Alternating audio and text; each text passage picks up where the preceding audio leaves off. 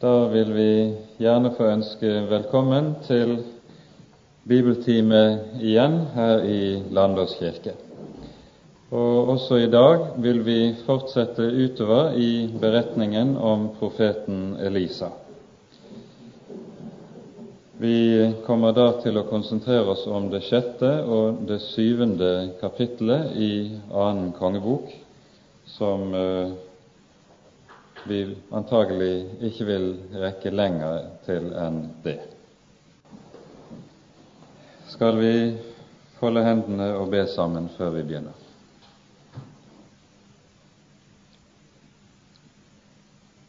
Kjære gode Herre og hellige og trofaste Far.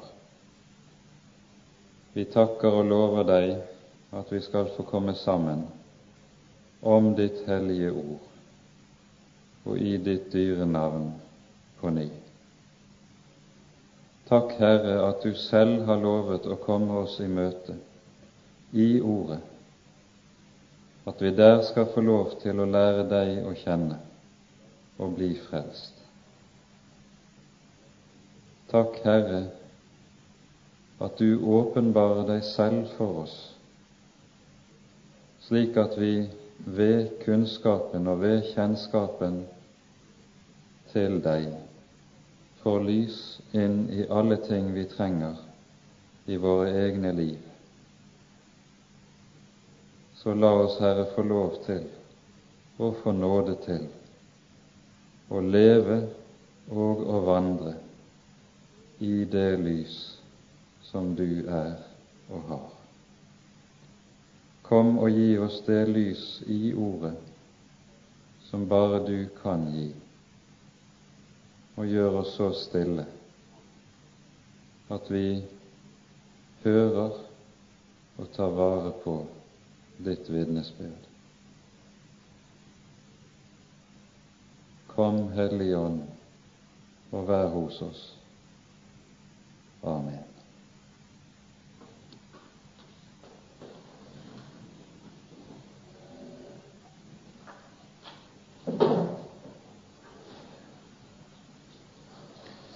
Sist gang stanset vi opp for de to foregående kapitler i annen kongebok, det fjerde og femte kapittel, der vi hører både om hvorledes Elisa vekker opp kvinnen i Sunems døde barn, og vi hører om hvorledes Naaman leges for sin spedalskhet og hentes inn som en, det vi kan kalle for en førstegrøde av hedningene i den gamle pakts tid. Med det sjette og det syvende kapittel fortsetter Det gamle testamentets beretning om Elisa. Og Det som kjennetegner hele denne perioden i Israels historie, er at vi her finner en periode der det underfulle, eller det man kan kalle for det mirakuløse, er meget sterkt fremtredende, på en måte som vi ikke ellers ser det eller finner det i den gammeltestamentlige frelsesåpenbaring, med ett unntak. Og Da tenker vi på det som utspinner seg i forbindelse med utgangen av Egypt. Det er disse to perioder i Det gamle testamentets historie der vi finner det underfulle som et grunnleggende kjennetegn ved Guds måte å åpenbare seg på.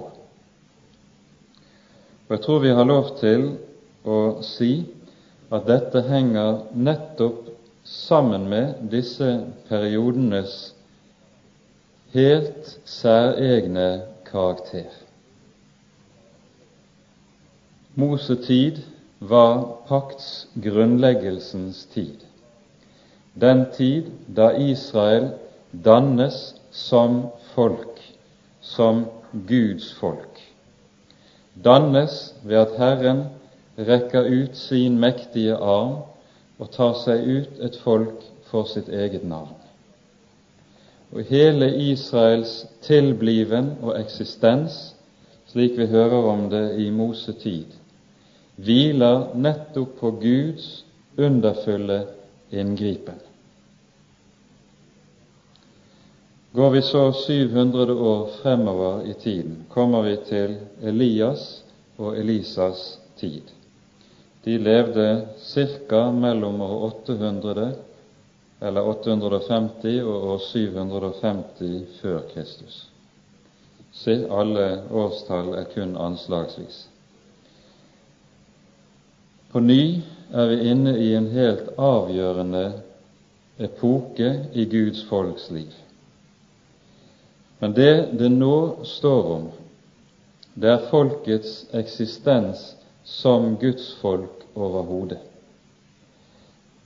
I denne periode står det like som og vipper i Israel. Vipper mellom at folket på den ene siden skal berges som Guds folk, eller på motsatt side falle endelig fra å bli et hedensk folk. Det er åndskampens tid, kampen mellom lys og mørke, mellom hedenskapet og troen på Israels Gud. Og Derfor ligger det også særskilt i frelsesåpenbaringens natur at på denne tid måtte Herren gripe inn på en slik særskilt måte, for likesom å demonstrere hvem han var i forhold til avgudene, i forhold til Baal og Astarte. Dette er bakgrunnen for at vi ser det underfulle dukke opp kun i disse to spesielle epoker i Israels historie. Og Da er det gjerne heller ikke tilfeldig at det er nettopp Moses og Elias som møter den Herre Jesus på åpenbaringens berg, slik vi ser det i Det nye testamentet, Matteusevangeliet 17. kapittel. Der er en nær og dyp sammenheng mellom det avgjørende i disse to epoker i Israels liv, og at disse to epokenes hoved- og sentralskikkelser er de som åpenbarer seg sammen med Jesus på Forklarelsens berg. Det er Det gamle testamentets to sentralskikkelser, har vi vel lov til å si. Går vi så inn i det sjette kapittel i annen kongebok, så møter vi først en beretning som kan synes nesten uhyre triviell i en slik stor sammenheng som vi her har pekt på. Men vi skal ta oss tid til å lese denne beretningen, de syv første versene. Profetenes disipler sa til Elisa:" Huset som vi sitter i her hos deg, er for trangt for oss. La oss få gå til Jordan og der hente hver sin bjelke, og så bygge oss et hus der vi kan holde til i. Og han svarte, Ja, gjør det. Da sa en av dem, Vær så snill å gå med dine tjenere. Og han svarte, Ja, jeg skal gå med. Så gikk han med dem og da de kom til Jordan, tok de til å felle trær. Men da en av dem felte sin bjelke, falt øksen i vannet. Da ropte han, Å min Herre, den var enda lånt. Da sa den Guds mann, Hvor falt den? Og han viste ham stedet. Da hugg han av et stykke tre og kastet det dit ned og fikk øksen til å flyte opp, og han sa, Ta den opp. Så rakte mannen ut hånden og tok den. man kan undre seg over en beretning av denne art i vår bibel. Det fortoner seg likesom så lite inn i en så stor sammenheng som vi her har for oss. Og vi møter jo i fortsettelsen av kapittelet nettopp de det vi kaller for de store begivenheter. Rikspolitikken, krig, fred, konger som møtes og strides. Men her et lite menneske som mister en øks i vannet. Det har sin store betydning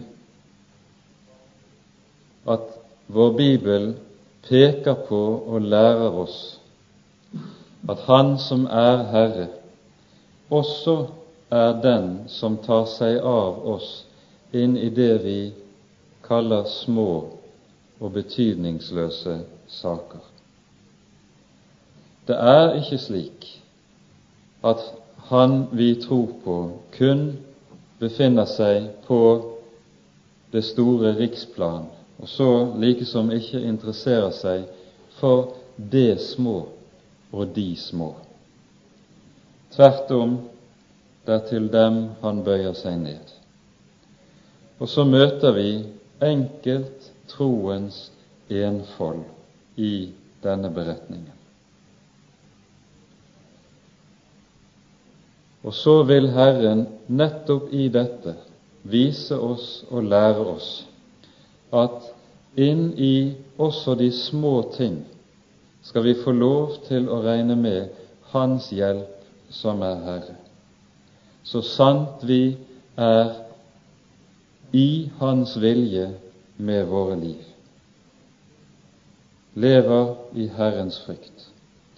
For denne beretningen står nettopp i motsetning til fortellingen som står i det foregående, der vi hører om Elisas dreng Gehazi, som nettopp utmerket seg ved det stikk motsatte av Guds frykt, nemlig av havesyke og løgnaktighet.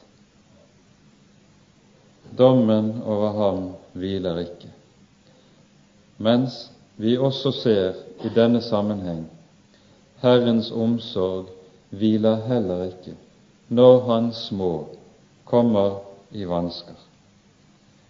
Det var vesentlig fattige folk som hørte med til dette vi kaller for profetskolene. Og det å tape en øks, jern var dyrt i de dager, kunne økonomisk bety et ikke ringe utslag for en fattig mann når den var lånt.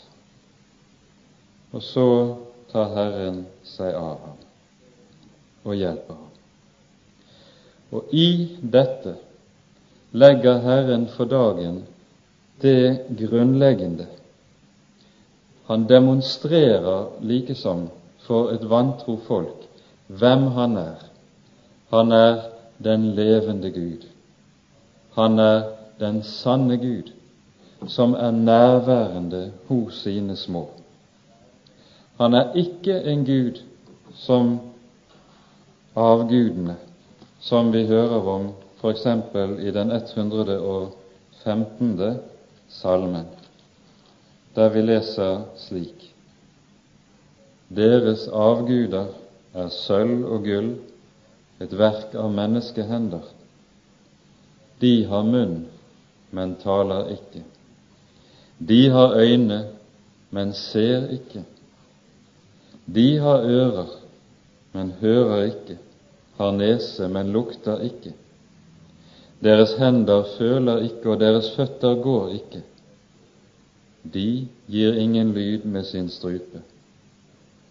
Som de selv er, blir de som gjør dem. Vær den som setter sin lit til dem.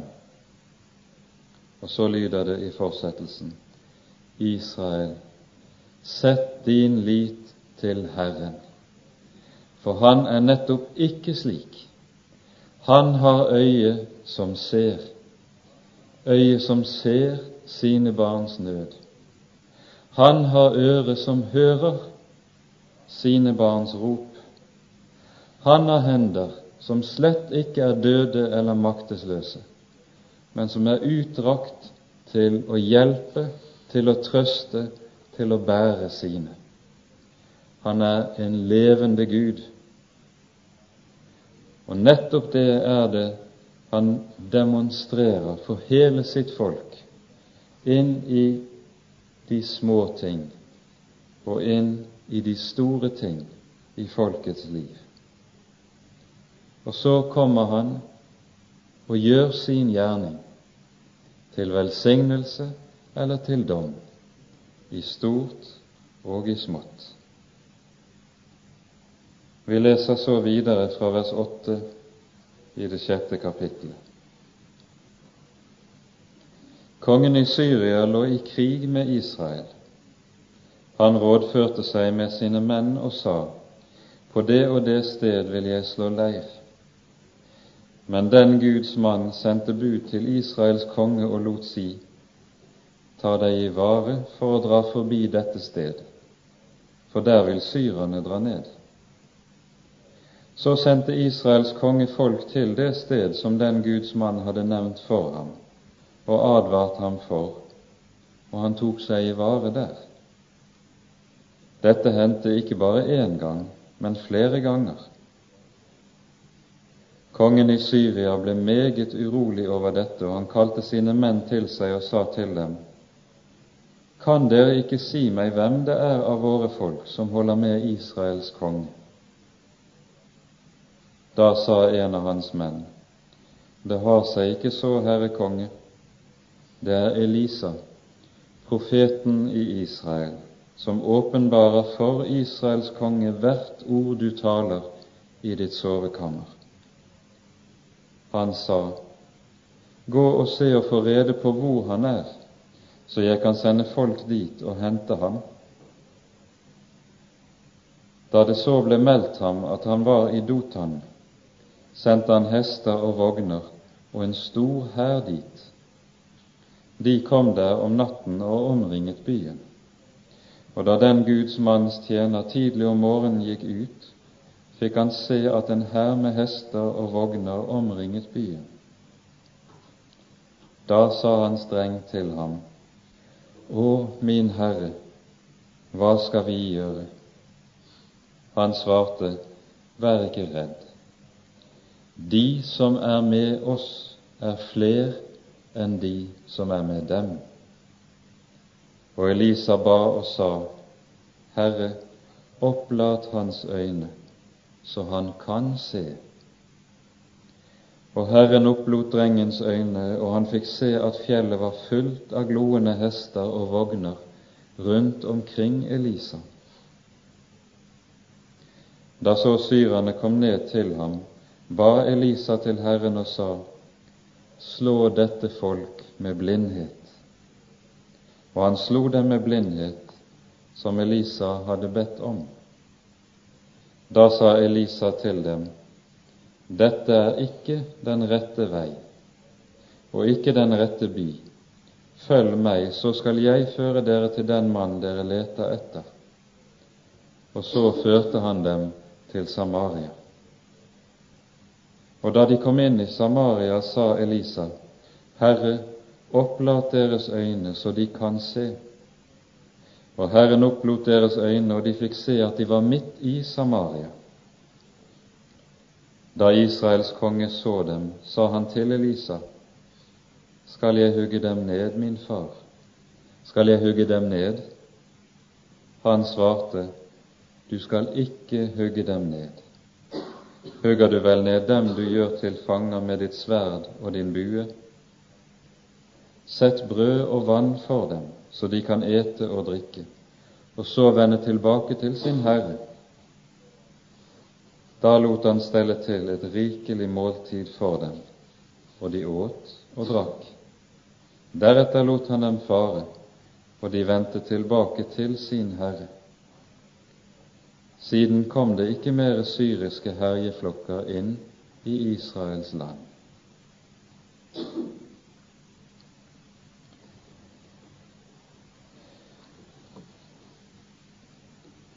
Vi får i denne beretningen se at foranledningen til at syrerne søker å gripe Elisa, ligger i at det var sannet ikke bare for Israel, slik vi tidligere har hørt, men også for syrerne, at Israels egentlige styrke, egentlige hjelp, lå i at de hadde en som Elias, en som var en Guds mann, og som hadde lyset fra Herren hos seg. I ham hadde Israel sine hester og sine vogner. I ham hadde Israel sitt egentlige vern. Uten ham var Israels konge for lengst blitt krigsfange og landet lagt øde. så får Syrias konge rede på hva som er sammenhengen, og tenker som hedning at han vil gripe Elisa og dermed også kunne styre Israel og seire i krigen. Han tenker som hedning at kjød er sterkt nok. Men her står det mot hverandre nettopp kjød mot ånd. Og ånd kan aldri fanges av kjød eller mestres av kjød. Og det er noe av det grunnleggende vi lærer i denne beretningen. Elisas tjener når han kommer ut om morgenen og ser hæren som omringer byen, fylles han med angst. Å min Herre, hva skal vi gjøre? Og får til svar, vær ikke redd. De som er med oss, er fler enn de som er med dem. Og så får vi ut fra det som kommer i det følgende vers, se hva som er det egentlige problemet. Elisa ba og sa, Herre, opplat hans øyne, så han kan se. Og Herren opplot drengens øyne, og han fikk se at fjellet var fullt av gloende hester og vogner rundt omkring Elisa. For Guds barn og for Guds folk er det ofte slik at vi stedes i fare og i nød, at vi kommer i situasjoner som synes oss umulige å løse, i vansker som er oss overmenneskelige å kunne takle. Ikke minst er det slik for Guds rike selv. Guds rike har alltid stått i kamp. I kamp i møte med verden, og i kamp i møte med en verden som alltid fortoner seg både sterkere og mektigere og langt mer ressursrik enn det vi er.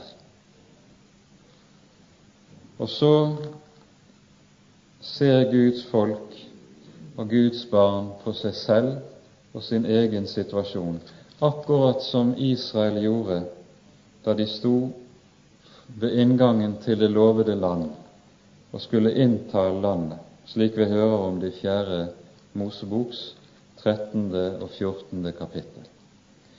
De så hvor sterke fiendene var. De så hvor mektig fiendens hær var, hvor høyvokste folket var i det land. Og så sier de, 4. Mosebok 13. kapittel vers 33, der så vi kjempene, Anaks barn av kjempeetten, og mot dem var vi i våre egne øyne som gresshopper, og det syntes også de at vi var. i møte med de vanskene som Guds rike kan møte her i verden, er det altfor ofte sånn at Guds barn føler seg og kjenner seg nettopp som små gresshopper i møte med kjemper, som ikke har noe å stille opp med, ikke noe å fare med. Å min Herre, hva skal vi gjøre? lyder ropet da. Fortvilelsens rop, motløshetens rop, det rop som springer ut av at man ikke ser utvei, ikke ser mulighet for hjelp. Årsaken til denne fortvilelse og motløshet, den kommer, den ligger i øynene som ser. Den kommer av at blikket er rettet så å si gal vei. Å, min Herre, hva skal vi gjøre?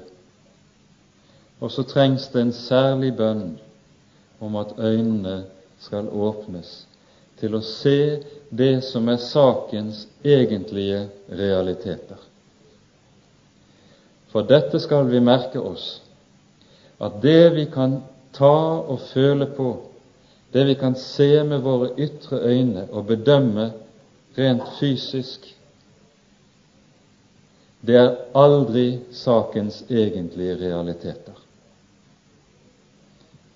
I Guds rike er det alltid sånn at det som er det egentlige og det viktigste, er alltid det vi ikke ser med våre øyne, det usynlige.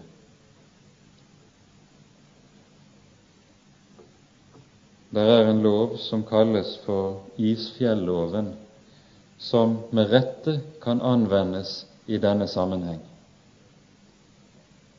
Isfjelloven sier som så ni tiendeler av alle ting kan ikke sees. Og det gjelder en sannhet som i høy grad gjelder i Guds rike. For det som er Guds skole for hans barn, det er ganske særlig å lære oss og oppdra oss til å ha noe annet for øyet enn det vi kan se med våre øyne, ta og føle på med våre hender. Og Derfor sier apostelen Paulus, som han gjør i annet brev til korinterne i det fjerde kapittel, i det syttende og attende vers, vers som vi gjør meget vel i å merke oss. Her taler apostelen inn i samme situasjon som Elisa sto i, trengt av Guds rikes fiender, trengt av et verdensrike som fortonte seg aldeles overmektig for de små Herrens disipler. Vers 17. Vår trengsel, som er kortvarig og lett, virker for oss en evig fylde av herlighet i overmål på overmål, så som vi ikke har det synlige for øyet, men det usynlige. For det synlige er timelig, det usynlige er evig. Å ha det usynlige for øyet et paradoksalt uttrykk. Men det er dette Guds rike dreier seg om, og det er dette vi har med å gjøre alltid i den strid Guds rike står oppe i i denne verden. Vi lar oss så altfor lett blende av de vansker Guds rike står oppe i. Der er så meget av motgang, der er så meget av nød, der er så meget som trenger å gjøre situasjonen vanskelig. Ja, det er det. Saken er at det alltid har vært slik òg. Det er ikke noe nytt, det. Spørsmålet i denne situasjonen er imidlertid kun denne hva har vi for øye? Er det vantroen som råder grunnen, slik at vi kun har det synlige for øyet, kun har blikket festet på det vi kan kalkulere med ytre sett, det måtte være seg av økonomi eller folk eller andre slags ressurser? Eller er det slik at blikket er rettet en annen vei, mot det usynlige? På ny og på ny trenger vi å be denne bønnen som Elisa ba for sin medhjelper. Opplat hans øyne så han kan se. Opplat våre øyne så vi kan se. Se det Herren har gjemt for oss, og som vi skal få lov å regne med. Det usynlige er det vi skal ha for øye. Dette er det også apostelen Paulus ba om for menighetene. Vi leser hans bønn for menigheten i Efesus i det første kapittelet i Efeserbrevet.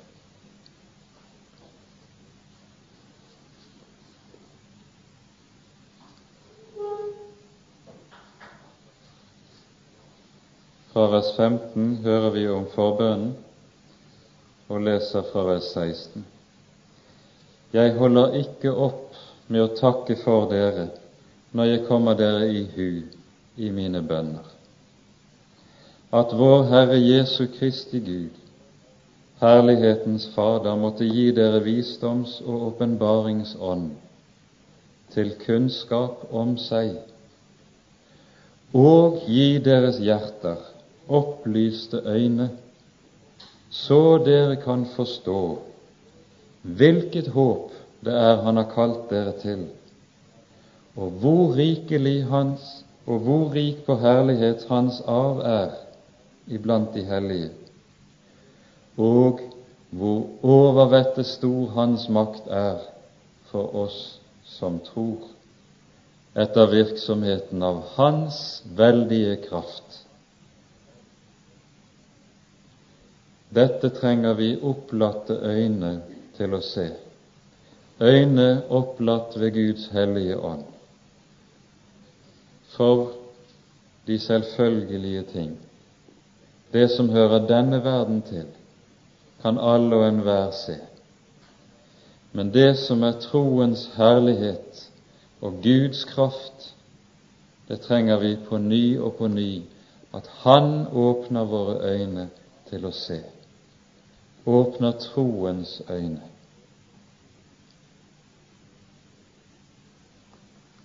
For der ligger frimodigheten. Der ligger hjelpen. Der ligger håpet gjemt, som kan møte selv den største vanske og utfordring, den største trengsel, med frimodighet. Fordi vi ser det usynlige, Guds løfte. Vi ser den usynlige får det lov til å være slik, da blir det på en måte også slik som med oss som det står om profeten Biliam i Fjerde Moseboks 24. kapittel. Det står han innleder sin tale med å si om seg selv. Så sier mannen hvis øyet er lukket nemlig for den ytre verden.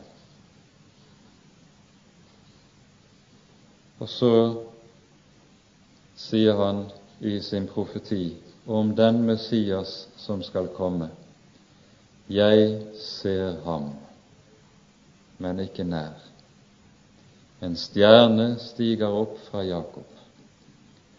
Det er en mann hvis øye er lukket, som ser ham og på samme måte skal vi lære noe av denne kunst og få lukkede øyne som lærer å se bort fra den ytre verdens betydning og få øye opp til å se at det ikke er kjød, men ånd, ikke er det som mennesker har å fare med, men det Gud har å gi, som har avgjørende betydning. Opplat hans øyne så han kan se. Og Herren opplot drengens øyne, og han fikk se at fjellet var fullt av gloende hester og vogner rundt omkring Elisa. Da han fikk se, var han ikke lenger redd. I dette ligger hemmeligheten også for vår del. Og så blir det noen som slås med blindhet i stedet, og som tas ved hånden og ledes uten å vite hvor hen. Fienden ledes av Elisa fra Dotan til Samaria, en knapp dagsmarsj. Og vi kan forestille oss hvordan vekterne på Samarias bymur har gjort anskrik når de så dette underlige toget komme. Elisa foran i sin velkjente kappe, den syriske hær virrende i fotsporene på ham, til de står midt i byen. Da har kongen fått livvakten på bena og omringet hæren som er hjelpeløst fanget.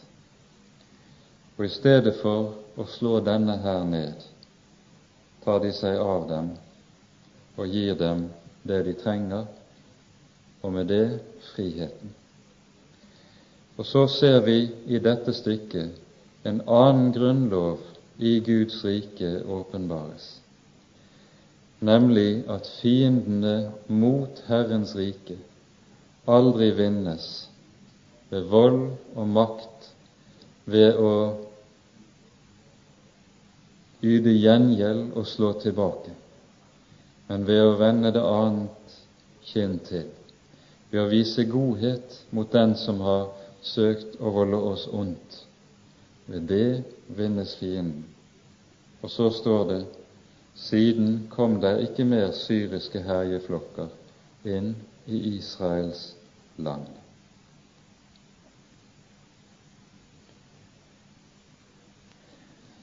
så hører vi fra vers 24 av. Noen tid etter samlet kongen i Syria, Ben-Hadad, hele sin hær og dro opp og kringsatte Samaria. Der har antagelig gått noen år, vi vet ikke hvor lang tid, og så blusser det gamle fiendskap mellom de to riker opp på ny. Og vi leser videre. Mens de holdt Samaria kringsatt, ble det så stor en hungersnød i byen at til sist hodet av et asen kostet 80 sekel sølv, og fjerdedelen av en kabb duemøkk fem sekel sølv. Og da Israels konge en gang gikk omkring på muren, ropte en kvinne til ham, Herre, hjelp, Herre konge. Han svarte, når Herren ikke vil hjelpe deg, hvorfor skal da jeg hente hjelp til deg? Fra treskeplassen eller fra vinpersen? Og kongen spurte henne, Hva fattes deg? Hun svarte, Denne kvinne sa til meg, Kom hit til meg med din sønn, så vil vi ete ham i dag, og i morgen vil vi ete min sønn. Så kokte vi min sønn og åt ham. Dagen etter sa jeg til henne, Kom nå hit med din sønn, så vil vi ete ham. Men hun gjemte bort sin sønn. Da kongen hørte det som kvinnen fortalte, sønderrev han sine klær, som han gikk der omkring på muren. Da fikk folket se at han hadde sekk innenfor på sitt legeme og han sa, Gud la det gå meg ille både nu og siden, om Elisas, Safats sønns hode, skal bli sittende på ham i dag. Men Elisa satt i sitt hus, og de eldste satt der hos ham. Mens Elisa satt der i sitt hus, og de eldste satt der hos ham, sendte kongen en mann dit foran seg. Men før budet kom til ham, sa han til de eldste, Ser dere at denne mordersønn har sendt bud hit for å ta mitt hode? Se nå til å stenge døren når budene kommer, og trykk ham tilbake med den. Høres ikke allerede lyden av Hans Herres trinn etter ham? Mens han ennå talte med han, kom budet ned til ham. Da sa han, Se for en ulykke det er kommet fra Herren. Hvorfor skulle jeg lenger bie på Herren? fra Elisa, Hør Herrens ord. Så sier Herren, i morgen ved denne tid skal et mål fint mel være å få for én sekel, og likeså to mål bygg for en sekel i Samarias port. Men den høvedsmann hvis hånd kongen støttet seg på, svarte den Guds mann, om så Herren gjorde luka på himmelen, hvorledes skulle slikt kunne hende? Han svarte, Du skal få se det med egne øyne, men ikke få ete derav.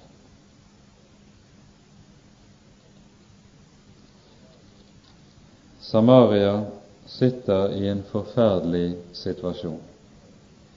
Vi skjønner at byen har vært under en lengre beleiring. Hvor lang vet vi ikke, men den har nok vært på mange måneder for at nøden kunne bli, komme til å bli så stor som vi her hører om. At man i det hele tatt i Israel kunne finne på å ete kjøtt av esel, var uhørt. Eselet ble regnet som et urent dyr, og man åt det aldri. Langt mindre hodet av det, som ble regnet som fullstendig verdiløst. Når prisen på duemøkk står, omtalt, så står den omtalt fordi duemøkk ble brukt til brenne. Man hadde varme fra dumek under grytene, men det var meget dårlig brenne. Og så hører vi altså om denne kvinnen, disse to kvinnene som er blitt enige om å ete sine egne barn. En slik situasjon i Israel står profetert om i 5. Moseboks 28. kapittel, der Herren truer folket med den, at den frykteligste forbannelse skal komme til å ramme dem dersom de forlater Herren og Hans ord. Vi kan kort lese noen vers fra 5. Mosebok 28, fra vers 52.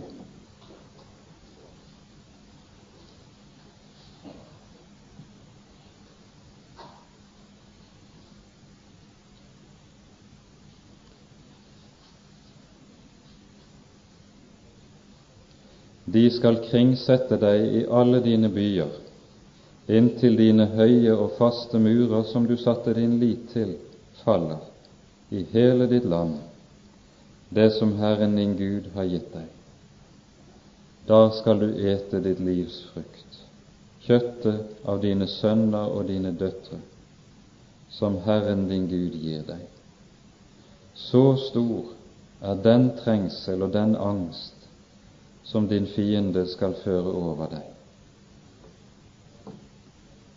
Det samme hører vi om skjer i forbindelse med Jerusalems beleiring under babylonerne senere, og likeledes da Jerusalem falt i år 70 etter Kristus. I slik nød som Israel her er stett i, og det ser vi egentlig i all dyp og virkelig nød, da viser også ugudeligheten og frafallet sitt sanne ansikt. Det som ligger aller dypest nedlagt i foreldre, og ikke minst i en mor, er at de vil gi alt for sine barn. Ja, de vil gi livet for barna sine. Men når ugudelighet og frafall fra Guds ord får rommet, da blir det ganske andre ting i menneskenes hjerter som tar over kontrollen. Da er det egoisme, egenkjærlighet, vold og ondskap som kommer til å råde grunn. Dette holdes gjerne i sjakk når man lever på det jevne og har det noenlunde bra. Men når man trenges og presses virkelig hårdt, da demaskeres det hele. Så får man høre om slike uhyrligheter som har utspilt seg i Samaria med disse kvinnene. Og det river kongen i hjertet når han får høre om det, og han sønderriver sine klær. Joram, som var konge da, har gått med botsdrakt innerst på kroppen, skjult for folket, men de ser den når han sønderriver klærne sine i sorg over hva han har hørt. Og så bryter det frem fra jorda. Den samme gudløsheten som for en tid har ligget skjult fordi den delvis var overvunnet gjennom Elias og Elisas virksomhet. Det gamle fiendskap som allerede lå der hos hans far Akab. Gud la det gå meg ille, både nu og siden, om Elisas, Safats sønns hode skal bli sittende på ham i dag. Hva er det som ligger bak denne reaksjonen hos kongen? Det er nøyaktig det samme som vi hører om hos Akab når han møter Elias etter tørken, at tørken hadde rammet landet. I første kongeboks 18. kapittel sier Akab til Elias slik, i vers 17.: Er det du, du som fører ødeleggelse over Israel? Og Elias svarer kongen, Jeg har ikke ført ødeleggelse over Israel, men du og din fars hus fordi dere har forlatt Herren og fulgt Baalene. Det som ligger i dette, det er at gudløshet har det med at det alltid søker å forsvare seg selv ved å skylde på de troende, skylde på de som forkynner Guds ord, når de rammes av følgene av sin ugudelighet. Og så kommer beskyldningene om at det er en Elias som er skyld i tørken, en Elisa som er skyld i beleiringen, som om disse Herrens tjenere var drevet av personlig ond vilje da de forkynte Guds dom over frafallet i folket, som om det var denne domsforkynnelse fra deres munn som var årsak til at dommen rammer,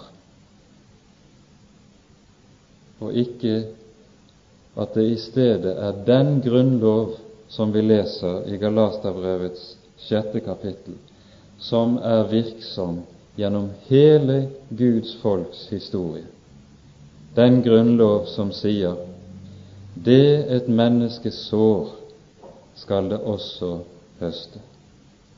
Den som sår i kjødet, skal høste fordervelse av kjødet. Men den som høster i, sår i Ånden, skal høste evig liv av Ånden. Galaterne 6, 7 og 8. Dette er en grunnlov i alt menneskelig liv, og dette er det også Guds ords tjeneres plikt og kall å holde frem for menneskene. Et menneske kan aldri, og et folk kan aldri vedvarende forkaste Guds ord og leve i strid med Guds ord, uten at det får sine helt klare følger. Den som sår i kjødet, skal høste fordervelse av kjødet. Og det er ikke Guds folks skyld at så skjer. Men det er en lov som er nedlagt i skaperverket fra og med syndefallets dag. Fordi du åt av treet, skal jorden være forbannet for din skyld. Og denne forbannelse er virksom overalt der synd og gjenstridighet mot Guds ord er virksom. Og den trer alltid i kraft i sin tid. At den ikke alltid rammer umiddelbart på synden, slik at synd umiddelbart følges av påviselig og synbar straff, henger sammen med Herrens langmodighet. Herren lar sin langmodighet råde lenge for å gi tid til omvendelse, for å gi tid til frelse. Og det at Herren i sin langmodighet venter med å skride inn til dom, det er nåde over nåde, og det gir oss nåde tid.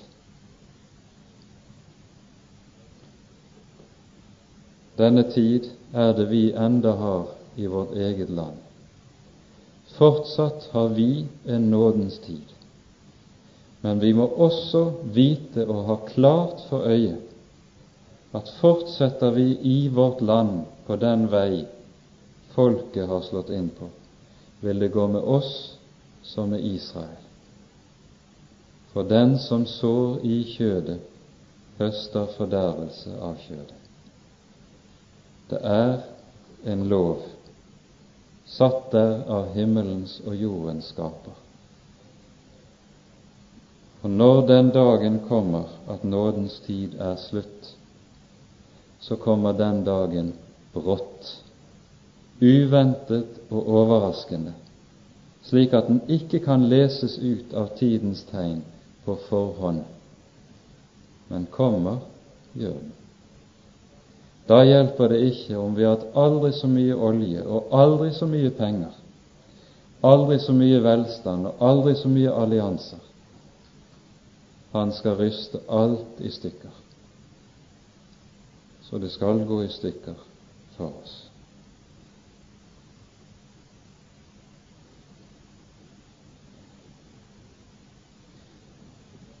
i den beretningen vi er inne om Elisa, så ser vi på ny i begynnelsen av det syvende kapittel hva det midt oppe også i denne situasjonen er som er alt avgjørende øyet som ser.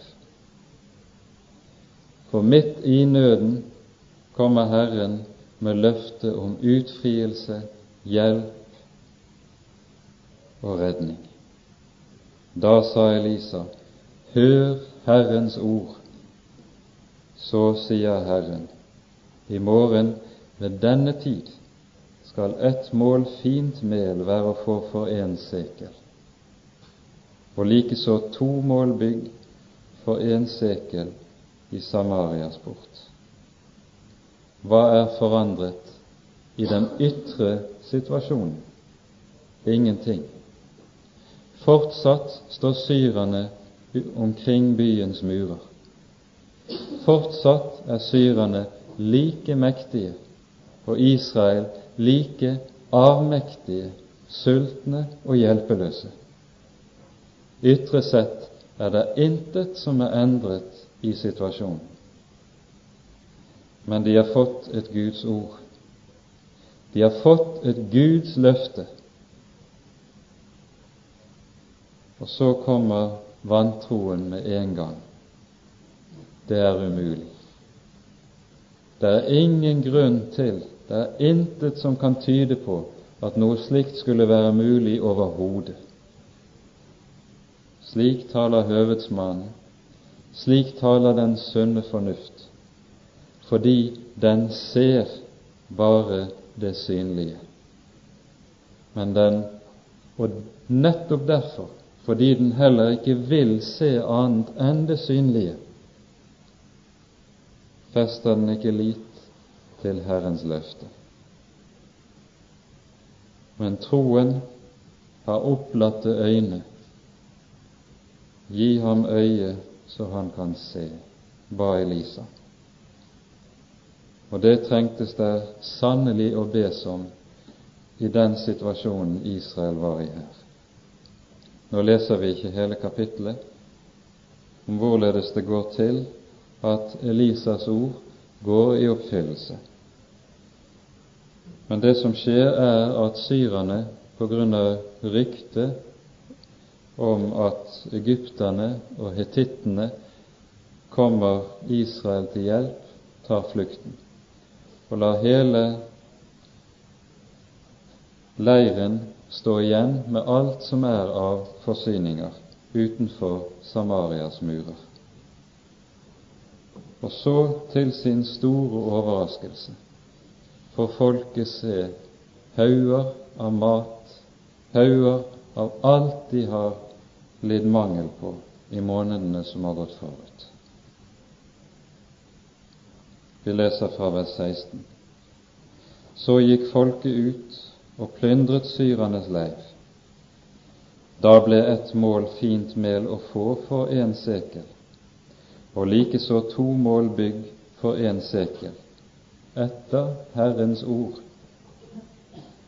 Kongen hadde satt den høvedsmann hvis hånd han støttet seg på, til å ha oppsyn med porten, men folket trådte ham ned i porten, så han døde. Således som den Guds mann hadde sagt, som han hadde sagt den gang kongen kom ned til ham. For da den Guds mann sa til kongen, i morgen ved denne tid skal to målbygg være å få for en sekel, og likeså et mål fint mel for en sekel i Samarias port. Da svarte høvedsmannen den Guds mann. Om så Herren gjorde luker på himmelen, hvorledes skulle det kunne gå således til? Han svarte, Du skal få se det med egne øyne men ikke få ete derav. Og således gikk det ham. Folket trådte ham ned i porten, så ham døde. Og så ser vi eksempelet på tro og på vantro, like som malt for våre øyne gjennom Guds egen anskuelsesundervisning i Israels historie. Og det står der skrevet til lærdom for oss, til hvem de siste tider er kommet, står det skrevet, for at vi ikke skal ha lyst til det onde, like som de. I dette har vi sett noe av det grunnleggende av hva tro er og handler om. Vi vandrer i tro ikke i beskuelse. Og vi leser i Hebreabrevets ellevte kapittel, første vers slik. Men tro er full visshet om det som håpes, overbevisning om ting som ikke sees, overbevisning om ting som ikke sees. Det er å ha øynene rettet mot det usynlige. Det er å ha øynene rettet mot Guds løfte, selv om alt annet her i verden taler imot at det skulle være mulig. Guds løfte står fast, og på det er det troen har sitt feste. På det er det troen ser. Og med det stanser vi for i dag.